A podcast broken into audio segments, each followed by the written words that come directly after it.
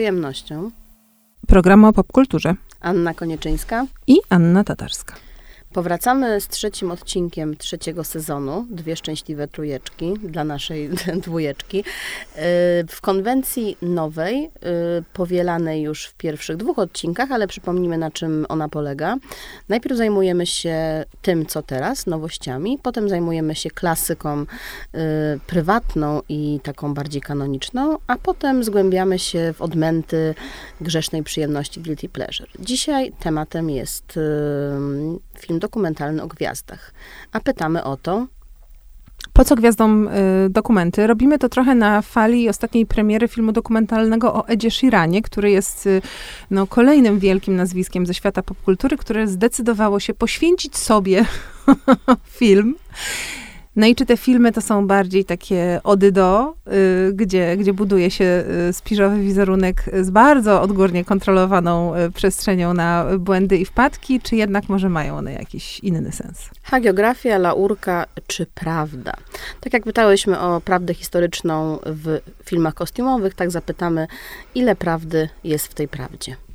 A oprócz tego zastanowimy się jeszcze nad tym, jakie dokumenty można nazwać e, klasykami. No i oczywiście też przyjrzymy się temu, czy film dokumentalny może być guilty pleasure, a jeśli tak, e, to kiedy?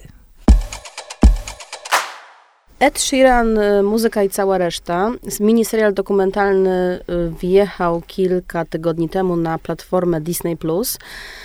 Ed Sheeran to taki muzyk dziwny, bo jednocześnie budzi emocje największe i emocje żadne. To znaczy emocje największe, bo zdarzały się takie lata już w jego karierze, kiedy był najbardziej celebrowanym muzykiem na świecie, z absolutnie y, rekordowymi danymi sprzedaży, oglądalności, słuchalności, polubień, y, sławą, która się rozciąga y, od studia nagraniowego przez media społecznościowe po koncerty.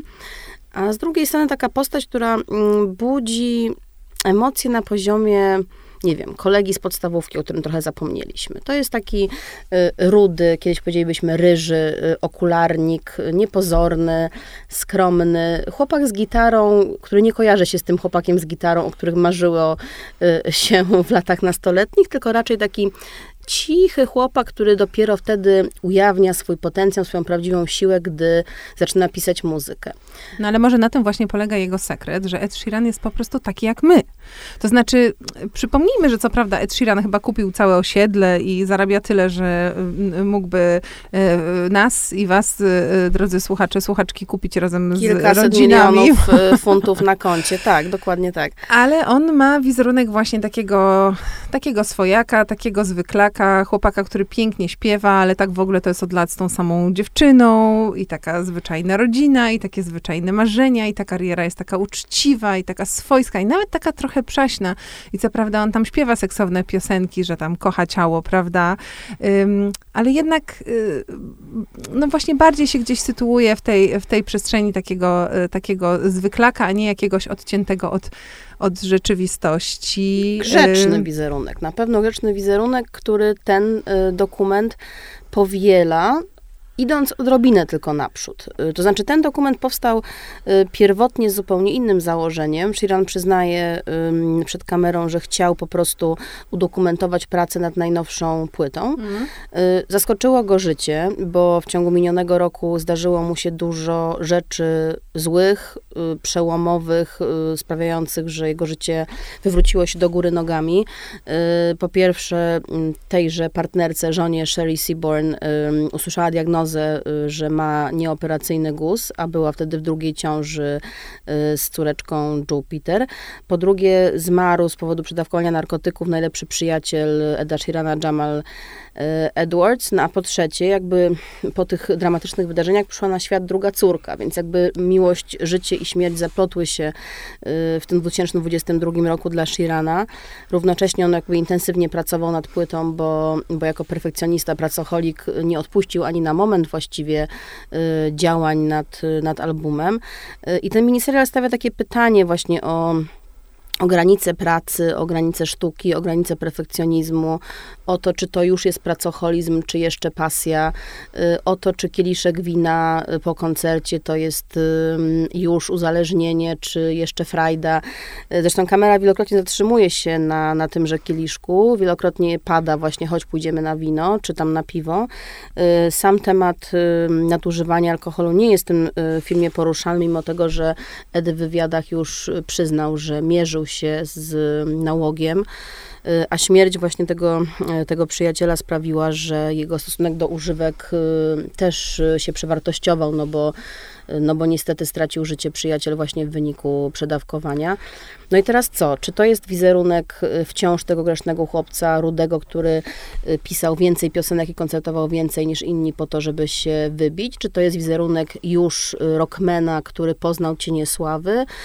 Czy to jest wizerunek właśnie tego family mana, o którym mówiła Ania, który pokonuje trudności przede wszystkim w imię miłości? Mm, trochę wszystko i trochę nic. To znaczy cztery odcinki które opowiadają piękną historię straty, żałoby, przyjaźni, a jednocześnie nie przybliżają mm, przynajmniej mnie w ogóle do tego, kim naprawdę jest Ed.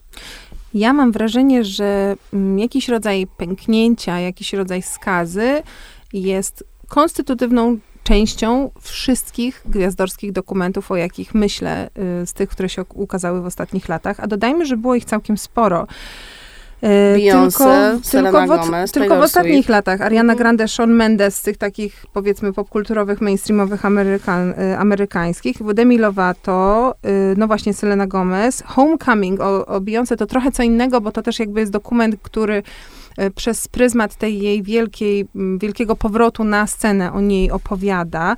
Tak samo jak Halftime o, o Jennifer Lopez, Lopez, czyli znowu przez pryzmat występu y, mówimy o artystce, czyli jest to trochę taki wymyk, prawda, żeby nie wchodzić za, za głęboko, jednak oglądać ją w sytuacjach głównie zawodowych. Natomiast y, myślę tutaj o, po pierwsze, Framing Britney Spears, y, który był, no, takim, myślę, taką przełomową produkcją, trochę szczególnie w tej narracji, która ostatecznie wyjęła Britney spod y, kurateli y, ojca, czy słusznie, czy nie, to już jest pewnie inna dyskusja. Y, Miss Americana o Taylor Swift, bardzo uczłowieczający dokument. Też uważam, że jeden z lepszych filmów w tej puli tytułów, o której właśnie teraz y, dysku, dyskutujemy. Y, Gaga Five Foot Two, jeden z moich ulubionych, ale tam znowu wraca ten wątek właśnie niedoskonałości, bo obserwujemy artystkę, która się mierzy z fibromialgią, tak to się chyba nazywa po, po, po polsku i jakby ból jest stałym elementem jej, jej funkcjonowania i też jakaś tam żałoba, prawda, żegnanie się powolne z dziadkami, więc, więc, y, więc odkrywanie tych miejsc bolesnych. A na sam koniec Amy. Y, to jest mój ulubiony z tych gwiazdorskich, powiedzmy, film, e, specyficzny, bo po pierwsze nakręcony po śmierci głównej bohaterki, stosunkowo niedługo, czyli nie jest to postać historyczna, tylko ktoś, kto jakby cały czas gdzieś tam e, we wrażeniach i we wspomnieniach był żywy. A po drugie film nakręcony przez prawdziwego takiego dokumentalistę, zresztą tak jak Miss Americana, e, świetnie jakościowo, debiutował na festiwalu w Cannes i on pokazuje, że można opowiadać o kimś w takim szerszym kontekście, tak żeby to miało sens, nie tylko dla fanów. Żeby to nie była tylko taka pożywka, na zasadzie dowiedzmy, dowiedzmy się czegoś więcej o tej osobie, która mnie i tak interesuje, bo sobie podśpiewuje jej piosenki pod nosem. Tylko pokażcie mi tę dziewczynę, która się stała światowym fenomenem, a ja chcę zrozumieć, dlaczego ona była taka dla nas wszystkich ważna i dlaczego jej słowa jej piosenek się stawały y, hymnem dla tylu ludzi, także dla tych, którzy jednocześnie prowadzą całkiem inne życie niż to, które ją zawiodło na ten marny koniec. Właśnie pytanie chyba jest takie, po co nam te dokumenty w obliczu ym, i tak ogromnej ekspozycji gwiazd? To znaczy Amy jeszcze nie zahaczyła o media społecznościowe, jej sława wybrzmiała najpierw y, w magazynach muzycznych, a potem niestety w tabloidach z racji ym, no, trudnego życia, które wiodła. Uzależnienia Uza... i różnych ekscesów osobistych. Mhm. Y, tak, no, toksycznego związku i, i, i, przemocy, której, której doznała, ale gwiazdy, które wymieniłaś, czyli Taylor, Selena y, czy Ed Sheeran, od którego zaczęłyśmy, to są ludzie, którzy bardzo świadomie budują swoją y, sławę w mediach społecznościowych. Markę właściwie należałoby powiedzieć, Swoją prawda? markę osobistą i właściwie bez mediów społecznościowych ich marka nie byłaby taka mocna. Ja po myślę, co że to kolejna jest upoważnienie, odnoga? w sensie upowa- Sprawienie, że żeby było, Tak. żeby brzmiało poważniej niż post na Instagramie. Czyli tak zwana legitymizacja, y, że, że nie jestem tylko mm, produktem medialnym dla nastolatków, którzy właśnie y, śmigają po TikToku i Instagramie, ale że jestem prawdziwym artystą, tak? Że to o którym inny artysta, o... reżyser y, poświęca uwagę, prawda? Tak, Tylko tak, właśnie tak. pytanie, bo tak powiedziałaś o Miss Amerykanie, że to jest takie legitimate dzieło, Mhm. a, a o innych, że to jest właściwie trochę taki produkcyjniak, to jest Mhm. trochę takie wpuszczenie, y, może nawet nie reżysera, tylko kogoś, kto jest trochę na twoich usługach, trochę kamerzysty, gdzieś za kulisy, żeby pokazać tylko to, co y, ja chcę pokazać. Powiedziałaś też o zgrzytach, bo wszystkie te filmy zaczynają się właściwie od zgrzytu. Zaczynają się albo od zaburzeń psychicznych, albo od uzależnienia, albo od rozłąki, albo od rozstania, albo od żałoby. Mhm. Tak naprawdę pretekstem y, jest tutaj moment krytyczny, moment liminalny, moment przejścia i tak też jest y, w tej pozytywnym wymiarze, bo nawet jak mówimy o, o Beyoncé czy o Jennifer Lopez, czyli o tych filmach, które bardziej pokazują ym, karierę niż, niż jej kulisy, no to jednak wychodzimy od momentu, który był dla tych gwiazd po prostu na tyle istotny, żeby w nim zogniskować wcześniejsze doświadczenia, czyli takie występy, które miały być ikoniczne, które miały być y, obarczone ogromną presją, miały przejść do, do historii muzyki. Więc zawsze to chodzi o to, że zaczynamy od tego momentu przełomowego. I teraz pytanie, w jaki sposób to sterujemy? Czy ten moment staje się przełomowy dopiero dzięki kamerze, która w niego wchodzi, y, czy kamera wchodzi w coś zastanego, co zostało jakoś wyreżyserowane, żeby być wyjątkowym? Bo mam takie poczucie, że u Eda Sheerana na przykład ta kamera ma taką wartość terapeutyczną, że on Mhm. ewidentnie y, płacze, dosłownie otwiera się, y, zwierza, też dzięki obecności kamery, że zamiast go zamykać, ona go otwiera, y, ośmiela. Często też jest tak, że kamera widzi mm, coś, co umknęłoby naszej uwadze, czy nawet umknęłoby uwadze samego bohatera, bo tak na przykład jest w Miss Amerykanie kilkakrotnie, że Taylor, która stara się utrzymać, y, która stara się trzymać gardę i stara się pokazywać jako ta perfekcjonistka, którą w niej widzimy, tak naprawdę te rysy y, przed kamerą ujawnia. To znaczy pokazuje się jako Mhm. genialna songwriterka, która jest w stanie w ciągu kilku minut napisać takty przeboju, ale z drugiej strony widać, że jest troszkę może przeambicjonowana, troszkę zawzięta, troszkę ym, czuła na swoim punkcie i to tak między słowami, między kadrami odbywa się to wyłuskiwanie y, prawdy o człowieku poza gwiazdą. Ale to jest właśnie dowód na to, że jeśli znajdziesz odpowiedniego reżysera, który jest nie tylko wykonawcą pewnego kontraktu, ale też niezależnym artystą, który no jakby ma gdzieś tę dokumentalną wrażliwość, to taki film, nawet o osobie pozornie dobrze poznanej, czy nawet ktoś powiedziałby nieinteresującej, ma szansę się stać czymś więcej, tak jak w przypadku Miss Amerykany, obserwacją na przykład pewnego popkulturowego fenomenu, który jest większy niż ta konkretna mm, osoba, jakiegoś fandomu. Tutaj e, reżyserką tego filmu jest Lana Wilson, która wcześniej zrobiła bardzo dobry film e, w ślady Tillera Mm, i myślę, że to jest też o niej, że między nimi się nawiązała e, relacja, prawda? Jakiś rodzaj zrozumienia, że że Swift mogła jej zaufać i może przed nią chociaż nie grać, a dzięki temu widz też dostaje taką nieprzeli- nieprzefiltrowaną wersję jej i e, chociaż Amy to nie jest film, e, który współtworzyła em, Amy, no to Asif Kapadia jest doskonałym twórcą i też znajduje w tych wszystkich archiwalnych materiałach i w tych rozmowach jakąś taką prawdę o tej bohaterce, której szuka z autentyczną em, ciekawością, mam wrażenie, i przede wszystkim bez żadnych takich a priorycznych założeń, że ja wiem, jak było i po prostu poskładam to i ja wam opowiem. Natomiast y, mm, podsumowując troszeczkę ten, ten fragment y, naszego podcastu, ja bym zwróciła jeszcze uwagę na to, że według mnie istnieje taki trochę wzorzec Sewr, jeśli chodzi o dokumenty o gwiazdach. Y, I on zarówno potwierdza to, że warto zatrudnić dobrego reżysera, ale też, że jak jest wdzięczny temat, to może to być coś więcej niż tylko takie nieco wojerystyczne podglądanie kogoś znanego, kto nas interesuje. I mam tutaj na myśli film e, Stop Making Sense o Davidzie Bernie Talking Heads, który nakręcił w 1984 roku Jonathan Demi. I to jest do tej pory chyba jeden z najbardziej niesamowitych dokumentów i filmów w ogóle o jakby popkulturowym fenomenie. No dziś może już nieco bardziej niszowym, no ale wtedy na pewno o wielkiej międzynarodowej sławie, też trochę inny moment w ogóle dla filmu, dla kina, ale to jest, y, no dla mnie to jest taki punkt odniesienia dla każdego, kto, kto chciałby nie tylko robić film o gwiazdach, ale też oglądać film o gwiazdach, żeby zrozumieć, że te biografie mogą być też naprawdę wielkim kinem. No, dla mnie punktem odniesienia jest Rocketman, który co prawda nie jest dokumentem, tylko absolutnie jest fabułą, nawet bardzo baśniową fabułą, ale właśnie ma to, o czym mówisz, czyli ma taki element surrealizmu, ma taki element abstrakcji, ma taki element pokazania świata wewnętrznego bohatera, bo tak naprawdę ten film jest nie tylko o Eltonie Johnie, on jest Eltonem Johnem, on jest estetyką Eltona Johna. Y, I to, co w tych dokumentach mi się nie podoba, chociaż pochłania mnie, bo, bo kocham gwiazdy, mm. to jest pewna interwencyjność, bo bo, dla mnie Rocketman w jakimś sensie jest czysty, ponieważ jest y, troszkę kampowy, jest właśnie wytworem wyobraźni, jest, y, jest lekki, a, y, a czy Demi Lovato, czy, czy Selena Gomez, czy Ed Sheeran, wydaje mi się, że wyprodukowali film z zamierzeniem nie tylko poprawy swojego wizerunku, ale też postawienia bardzo mocno jakichś kwestii społecznych. To znaczy oni posługują się sobą i, i swoim nazwiskiem w imię aktywizmu, czy to jest na rzecz właśnie odtabuizowania uzależnień, czy zdrowia psychicznego czy, mm, e, czy doznanej przemocy, y, absolutnie jest to, jest to szczytny cel, ale wydaje mi się, że mm, gdzieś e, troszkę tracimy y, z oczu człowieka wtedy. Człowiek staje się tym zadaniem, staje się tą misją, staje się tym problemem uosobionym w gwieździe. No ale myślę, że pewnego rodzaju przyciężki sentymentalizm jest w ogóle wciąż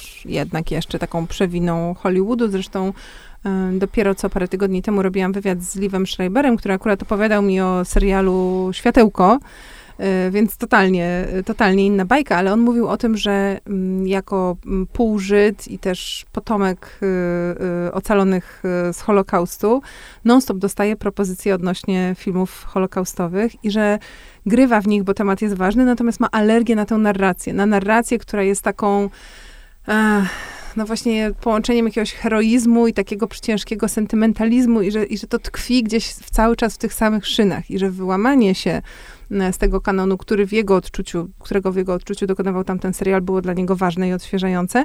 I tak samo myślę jest trochę z tymi biograficznymi e, dokumenta, do, dokumentami, że one jakby mają gdzieś a priorycznie zapisany obowiązek takiego monumentalizowania tych bohaterów, i no i też wiemy, jakie są wnioski już w pierwszej scenie. Wiesz, no, mm. nawet w swojej małości, nawet w swojej niedoskonałości, jednak po prostu, prawda, y, nie wiem, no za, za, zapłakana, prawda, po rozstaniu, ale geniuszka, zaczkie, piękne, pisze piosenki, potem, prawda, śpiewa ze sceny i te wszystkie młode dziewczyny i tak dalej, i tak dalej. Trochę wiemy, co dostajemy, więc każde wyjście z tego, ale bez zgubienia kierunku, wydaje mi się bardzo cenne. A teraz mniej o gwiazdach, a bardziej o dokumentach. Bo ja już tutaj zdradziłam Ani za kulisami, że um, może nie można się do tego przyznawać, ale nigdy nie byłam fanką dokumentów, albo inaczej. Jeżeli mam do wyboru obejrzenie fabuły i dokumentu, zawsze wybiorę fabułę, mimo że wiem, że dokument y, często o wiele bliższy jest y, aktualnej rzeczywistości i po, po, pozwalają poznać lepiej niż y, wiadomości z telewizji. Y, więc tutaj Ani powierzyłam trudne zadanie e, przekonania mnie trochę do tego, e, dlaczego ten kanon dokumentu jest tak istotny, zwłaszcza, że w tle mamy festiwal Millennium Dogs Against Gravity, 20. jubileuszowa edycja, festiwal, który sprawił, że dokumenty no, zaistniały na polskiej mapie filmowej w bardzo dominujący sposób.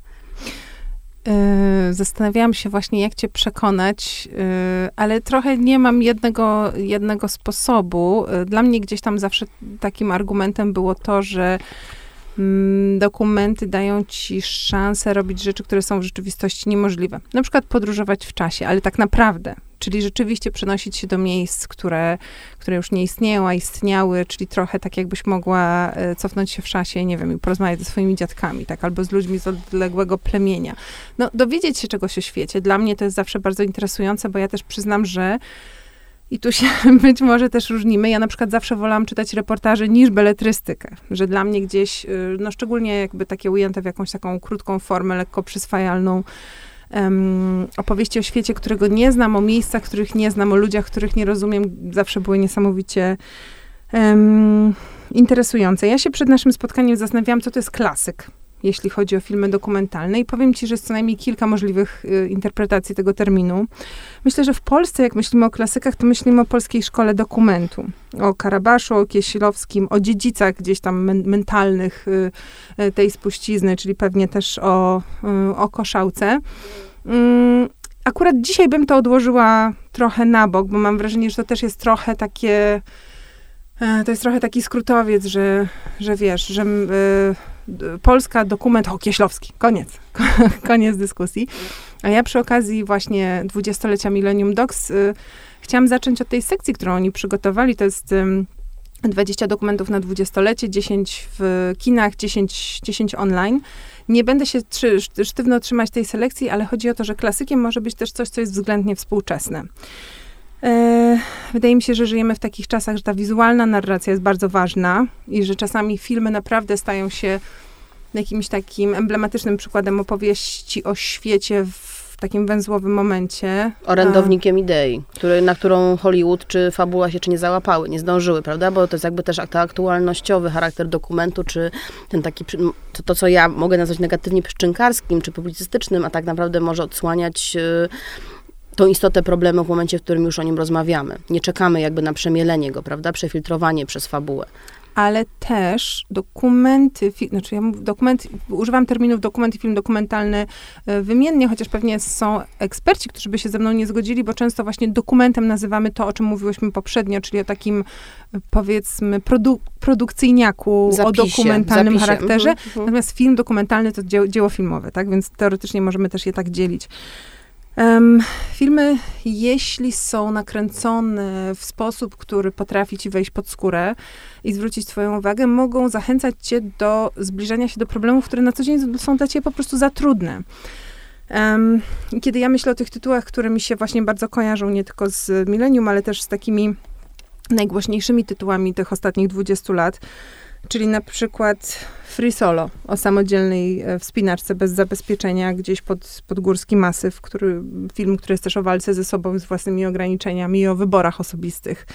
Em, czy Scena zbrodni, niesamowity film o odgrywaniu em, em, jakby systemowej przemocy i masowych morderstw przy założeniu, że ponowne przeżycie traumy jest w stanie ci pomóc ją pokonać. Bardzo teatralny pomysł z jednej strony, z drugiej strony film, który tak wchodzi pod skórę, że trudno w to uwierzyć, a pewnie nie sięgnęłabyś po reportaż w tym temacie. E, Grizzly Man e, czyli trochę motyw, e, no zresztą mam wrażenie taki bardzo hercogowski, czyli trochę film o wariacie, trochę film o pasjonacie, ale też o ludzkiej tragedii, bo ten film się nie kończy dobrze. Przepraszam za spoiler, No właśnie, ale... chyba to jest jakiś taki klucz, o którym tutaj mówisz, że y, dokumenty najlepsze są wtedy, kiedy mówią o pasjonatach slash wariatach i gdzie, gdzie ta granica jest bardzo cienka. Y, I też to, co ja lubię w dokumentach o gwiazdach, to Mhm. jest tam, gdzie oni na chwilę stają się tymi tymi szaleńcami w tym pozytywnym ujęciu tego słowa. Znaczy, że gdy przyglądamy się z kamerą człowiekowi, który jakoś się rozpada na naszych oczach, by zbudować na nowo, to też oczywiście jest jakieś hercogowskie, ale też to Mhm. jest y, ta prawda, której, której ja bym szukała. No, ale też dokumenty, które robią coś, co coraz rzadziej w dzisiejszych czasach robią media. Jako współtwórczyni medialnych przekazów dobrze wiesz, że tematy się szybko starzeją. E, I że nie raz, nie dwa zgłasza się autor czy autorka i mówi, słuchaj, nie wiem, napiszmy, tu mam świetny pomysł, wojna w Ukrainie, tak, albo wojna w Syrii, a ty musisz powiedzieć, pisaliśmy już o tym. I oczywiście pisaliśmy o tym temacie, tak, który jest parasolem, a pod nim jest milion i jedna ludzkich historii, każda jest inna, ale po prostu temat się wyeksploatował, prawda? E, a filmy, mam wrażenie, mają taką magiczną moc, jakkolwiek idiotycznie to zabrzmi, useksawniania tych tematów.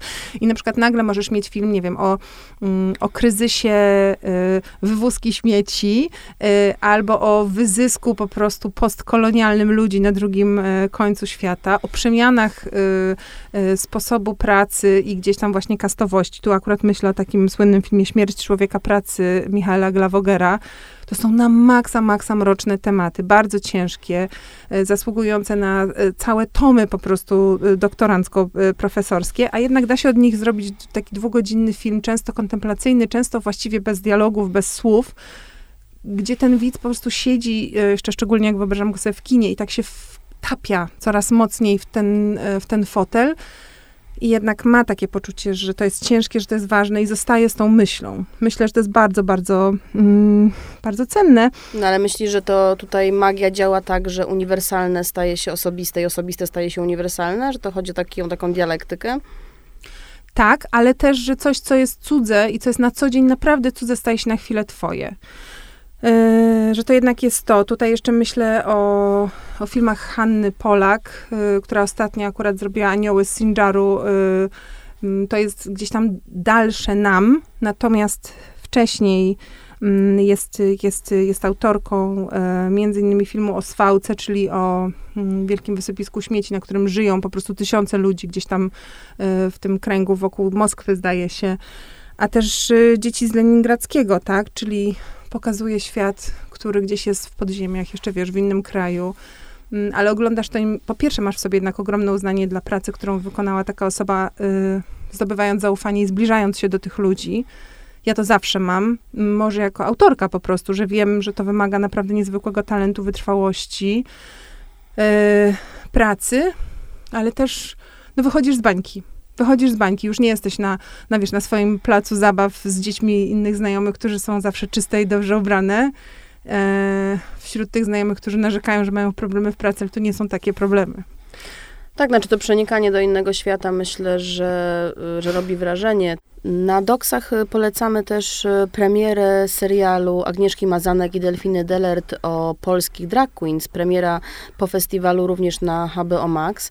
I to jest też taki przykład wniknięcia w świat, który jest pozornie coraz bardziej dostępny. Przecież możemy pójść na występ, na performance y, jednej ze słynnych polskich drag queens, ale y, reżyserki pracowały nad tym filmem aż trzy lata. Właśnie to, co Ania mówi, zdobywając zaufanie, zbliżając się do tych ludzi, otwierając ich.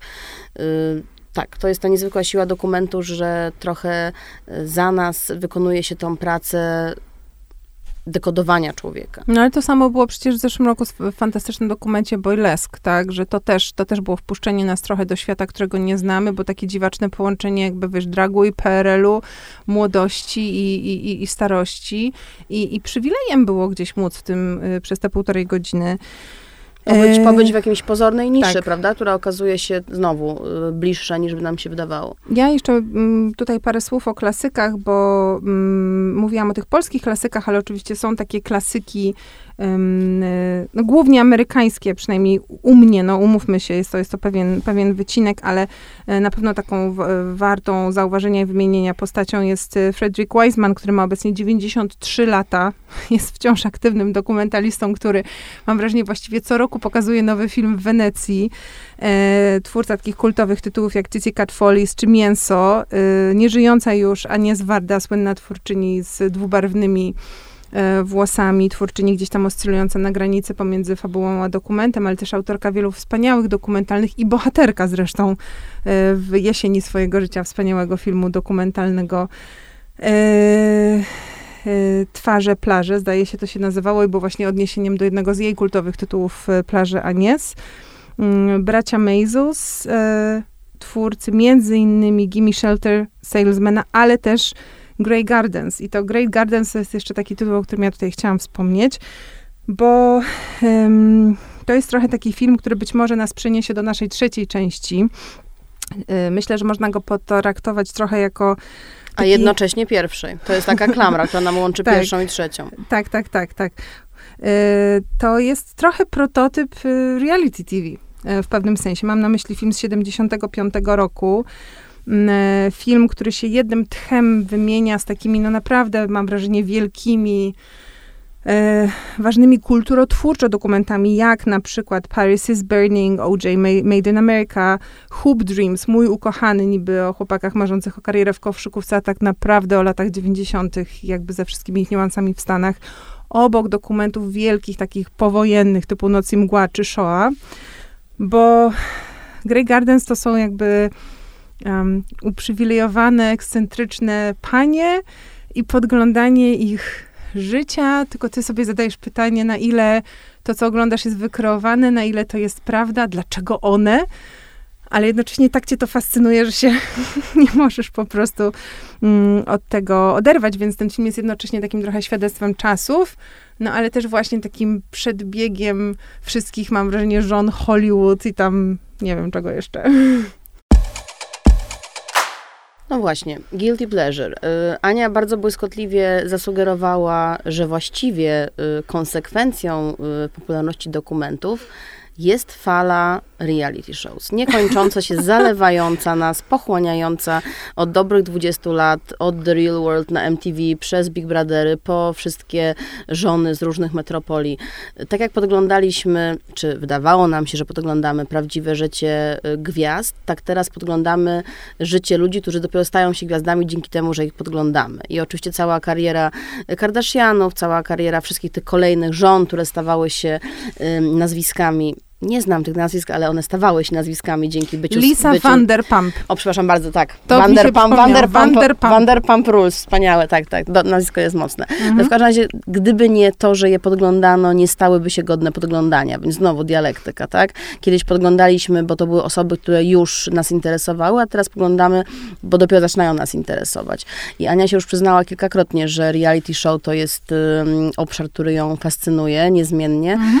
Y, ja tak mam z Kardashianami, tylko nie wiem, co było pierwsze, jajko czy kura, czyli najpierw lubiłam Kardashianów, czy najpierw lubiłam program o Kardashianach, trudno mi powiedzieć, y, ale w każdym razie taka pokusa, żeby mm, tą formułę dokumentu wykorzystać y, w takim trochę mm, bezwzględnym, komercyjnym, y, sensacyjnym stylu jest ogromna, bo tak naprawdę wystarczy wziąć kamerę, ustawić ją, no i patrzeć, co się dzieje, a potem w odpowiednich momentach troszkę kogoś popchnąć. Jest też taki świetny serial Unreal, świetny, zapomniany, niedoceniony, o tym, jak wyglądają kulisy tegoż, tegoż segmentu show biznesu. Y, Dwie bohaterki są producentkami programu w stylu y, Bachelor y, i no cóż, manipulują uczestnikami. Okazuje się, że reality show daleki jest od reality, bo co prawda ludzie są z krwi i kości, ale decyzje, które są podejmowane przez nich, są podyktowane wymogami y, oglądalności. Czyli gdyby podejmowali nudne decyzje, wybierali nudnych partnerów, zachowywali się racjonalnie, to pewnie nikt nie chciałby ich oglądać. No mi się teraz przypomniało, jak mówiłaś o Kardashianach, taki y, czas pewnej telewizyjnej niewinności. Cały czas myślę o tym właśnie, że te dokumenty, teraz będę mówić już konsekwentnie dokumenty, nie filmy dokumentalne, są zapisem nie tylko życia bohaterów, czy też moment, momentów z życia bohaterów, ale przede wszystkim momentów, w którym powstaje dana produkcja, czyli mam tutaj na myśli, y, jak to się nazywało, Ania, ten serial y, Paris Hilton i Nicole Richie. Y, Simple Life. Proste Tak. życie, mhm, w których Paris i Nicole y, pasły krowy, malowały damy i stodołę. wieśniaczki. Tak. Y, znaczy podejmowały się i mały się różnych prac, których dziedziczki normalnie się nie imają. Mieszkały z lokalsami na różnych amerykańskich wsiach, no i wywoływały sensację tym, y, że na przykład nie wiedziały, y, nie wiem, do czego służy śpiwór, tak? Dla przykładu. Jaki normalny człowiek, człowiek wie, do czego służy śpiwór, przecież na pewno nie do spania. Ym, tak, że, że te produkcje, zarówno jeśli chodzi o estetykę, sposób, w jaki były realizowane, ale też pomysł na to, co zainteresuje ludzi, co ludzie będą chcieli e, oglądać, bardzo dużo mówią o czasie, w jakim e, powstały. Jeśli na przykład pomyślimy, pamiętasz ten show The Apprentice, z, między innymi z Donaldem mm, Trumpem, jeszcze tak, zanim no, wszedł pokłosie politykę. y, krwiożerczych, kapitalistycznych... American y, Psycho Tak, w- y, dokładnie, dokładnie. Czy w sensie American Dream przeobrażony w American Psycho, czyli moment, kiedy jeszcze nam się wydawało, że neoliberalizm jest kuszący i że spełnia marzenia. Potem był jeszcze taki program Shark Tank, kilka takich w każdym razie shows, w których y, przedsiębiorcy INSPE walczyli o inwestorów i walczyli o przekonanie, Albo że ich biznes jest dobry. In Mhm. the making, bo chyba The Hills też Mhm. było częściowo o tym, tak jak to, z, jak, jak to z Make It Till You Break It y, w Hollywood i tak dalej. Jak być, jak być girl boss, też pojęcie już dzisiaj Tak. y, przebrzmiałe. Tak, no dokładnie, czyli jest tak, że y, to w jaki sposób ludzie zdobywają sławę w reality shows i jakie mają marzenia, odzwierciedla to, jakie y, marzenia nam przyświecają dzisiaj. I, I nowy program o Kardashianach, bo po wielu sezonach z kamerą Kardashianów mamy teraz The Kardashians, pokazuje je od troszkę mniej y, biznesowej strony, pokazuje je takie bardziej y, łamliwe, kruche, y, wrażliwe, na fali tego, że oczywiście y, odtabuizowane zostały wszystkie tematy związane z zaburzeniami psychicznymi, więc nawet Kardashianki y, muszą się pokazać od tej ludzkiej strony. Od tej, tak, od tej ludzkiej strony. E, więc absolutnie tak jest. To znaczy, reality shows e, są takim barometrem tego, co nas interesuje, i w momencie, kiedy e, tak strasznie mocno pojawił się Tinder i zmienił zupełnie krajobraz randkowy, sposób w jaki. Oszust z Tindera. sposób, w jaki kochamy, to pojawił się oszust z Tindera, ale też obok tych wszystkich bachelorów, kawalerów do wzięcia i, i bardzo bajkowych wizji miłości, pojawiły się y, Paradise Island, Love Island, pojawiły się... Taki był show ostatnio, że ludzie sobie mówią prawdę. Pamiętasz, jak to się, jak to się nazywało? Love Never Lies, tak, czy coś miłość takiego? chyba nigdy nie kłamie, to, to co ty oglądasz, czyli y, Love Miłość jest ślepa, mhm. Y, czyli wraz z rozwojem mediów społecznościowych zaczęliśmy sięgać jednocześnie po, w cudzysłowie, szczerość w związkach, ale również po siłę pierwszego wrażenia, że już nie sprzedajemy troszkę tej bajki o Kopciuszku i księciu, który oświadcza się w ostatnim odcinku, dając róże, tylko raczej pokazujemy mnogość partnerów, mnogość możliwości, y, siłę tego pierwszego wrażenia, small talku, y, flirtu. No ja mam wrażenie, że ja się tak przyczepiłam do tego Love is Blind, bo to są, to jest chyba spuścizna naszych studiów antropologicznych, że to naprawdę łączy no, takie po prostu niskie jakieś instynkty i zapotrzebowanie na taką czystą, e, czystą rozrywkę z czymś, co dla mnie jednak na poziomie eksperymentu jest ciekawe, chociaż oczywiście im dalej w las okazuje się też, że dość mocno zmanipulowane, pewnie mocniej niż byśmy chciały i też nie pozbawione błędów na poziomie realizacyjnym, bo tam wyszło dużo, dużo historii, gdzie uczestnicy mówili o tym, że nie byli najlepiej traktowani przez produkcję w sposób powiedzmy nielicujący z teoretyczną ideą, bardzo idealistyczną um, tego programu. No ale to jest też dobry punkt wyjścia dla naszej e, puenty, bo nie tylko guilty pleasure się kryje w reality show, ale też dokumenta, które są z jakiegoś powodu manipulacyjne, kontrowersyjne, obrazoburcze. Mówisz tutaj o złym traktowaniu uczestników przez producentów, a przecież y, część dokumentów, które trafiły do szeroko pojętego kanonu y, były y, efektem właśnie pewnego nadużycia. No, ja jeszcze właśnie myślałam, zastanawiając się nad tą naszą kategorią guilty pleasures, że z jednej strony mamy to reality TV, które takie nasze niskie potrzeby um, zaspokaja, ale jedną z takich niskich potrzeb, którą dość łatwo jest intelektualnie uwzniośnić, jakoś uzasadnić, tak żeby się nie przyznać, że to o to naprawdę chodzi, jest obserwowanie, jak innym nie wyszło. Lubimy patrzeć, że komuś się powinęła noga z bezpieczeństwa własnego e, fotela i kanapy, z jakąś taką e, ukrywaną satysfakcją, że to nie nas to spotkało i z poczuciem moralnej wyższości, że my byśmy na pewno nigdy i tak dalej, i tak dalej. E, I są takie dokumenty, które mm, no gdzieś tam mam wrażenie grają z tym, jednocześnie często bardzo demaskując zjawiska, które kulturotwórczo były bardzo istotne e, we współczesnej przestrzeni. No i to będą na pewno filmy Michaela Mora. Właściwie cała jego filmografia jest y, oparta na takich demaskatorskich zapędach, chyba z Fahrenheit 911 na, na czele, czyli z filmem o powiązaniach między rządem amerykańskim, prezydentem Bushem a organizacjami terrorystycznymi. Wówczas no, to był niesamowicie gorący, mm, gorący temat. E, większość filmów Alexa Gibneya to są też y, filmy które coś tam odkrywają, pokazują jakieś takie behind the scenes i, i mechanizmy działania. On też zrobił dokument y, na temat, który się też potem stał tematem serialu fabularnego. Mam tutaj na myśli um, film Wynalazczyni Dolina Krzemowa w kropli e, krwi. Czyli, czyli The Dropout. Czyli o, o tej założycielce niesławnego już dzisiaj Teranosa, Teranosa. Elizabeth Holmes. E, ale też mamy takiego naczelnego twórcę tego typu filmów, mojego zresztą ulubieńca, który znowu łączy się z festiwalem Millennium Dogs, jego filmy są tam zawsze pokazywane, Mats Brugger. Jak ktoś nie zna, to polecam sobie sprawdzić, te filmy są gdzieś tam dostępne. On nakręcił dwa takie, które mi przychodzą do głowy, to są Idioci w Korei i, yy, i Ambasador. No i to są w dużym skrócie filmy o tym, że się da nabrać innych ludzi, że jesteś kimś całkiem innym. Czyli taki Borat. Niż jesteś. Bardziej na poważnie. Borat tylko taki przerażająco na poważnie. tak. Ale wniosek wciąż tej, ten, ten sam. Czyli wierzymy pozorom i nie jesteśmy zbyt mądrzy, chociaż wydaje nam się, że jesteśmy najmądrzejsi. No właśnie, i clue to jest chyba krytyczne myślenie, bo w obliczu y, tego, jak wiele jest y, treści, które udają dokumenty y, w internecie, zwłaszcza na YouTubie, oglądanie tych w cudzysłowie prawdziwych, czy tych rzetelnych dokumentów uczy nas, w jaki sposób zbiera się źródła. Uczy nas odróżniać tą pracę filmowca dążącą do, do prawdy od wycinkowych produkcyjniaków Mariusza Max Kolonko, jemu oh. podobnych, którzy do swojej szalonej tezy próbują y, przyciąć y, informacje ze świata, materiały źródłowe, klipy, prawda, że jakby w sposób, w jaki oni technicznie pracują, może przypominać to, jak pracują dokumentaliści, ale zamysł i wymowa jest zupełnie inna. Ja bym na koniec jeszcze dorzuciła jedną rzecz, taką jedną myśl. E, właściwie od zarania dziejów e, zastanawialiśmy się nad tym, czym jest zapis filmowy. Jeszcze zanim filmy podzielono na fabularne i dokumentalne, była taka myśl, że film jest przecież tym zapisem rzeczywistości. Potem, że jak robić obiektywne dokumenty i że jeśli stawiasz kamerę, ale na przykład wybierasz fragmenty, tak, albo nie wiem, rozmawiasz z bohaterem, że to też już jest pewnego rodzaju manipulacja.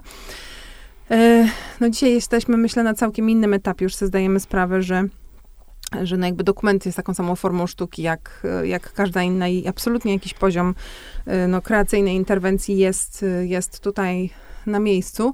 No i taką bardzo specyficzną odnogą filmów dokumentalnych, myślę, że czasami nie myślimy w ogóle o tym. Są animowane filmy dokumentalne. E, ja tylko podrzucę dwa tytuły. To będzie Przeżyć, y, no stosunkowo świeży tytuł, zresztą z bogatą nagrodową y, historią, fantastyczny film Jonasa Pohera Rasmussena, no i przede wszystkim e, Walc z Bashirem e, Ariego Folmana.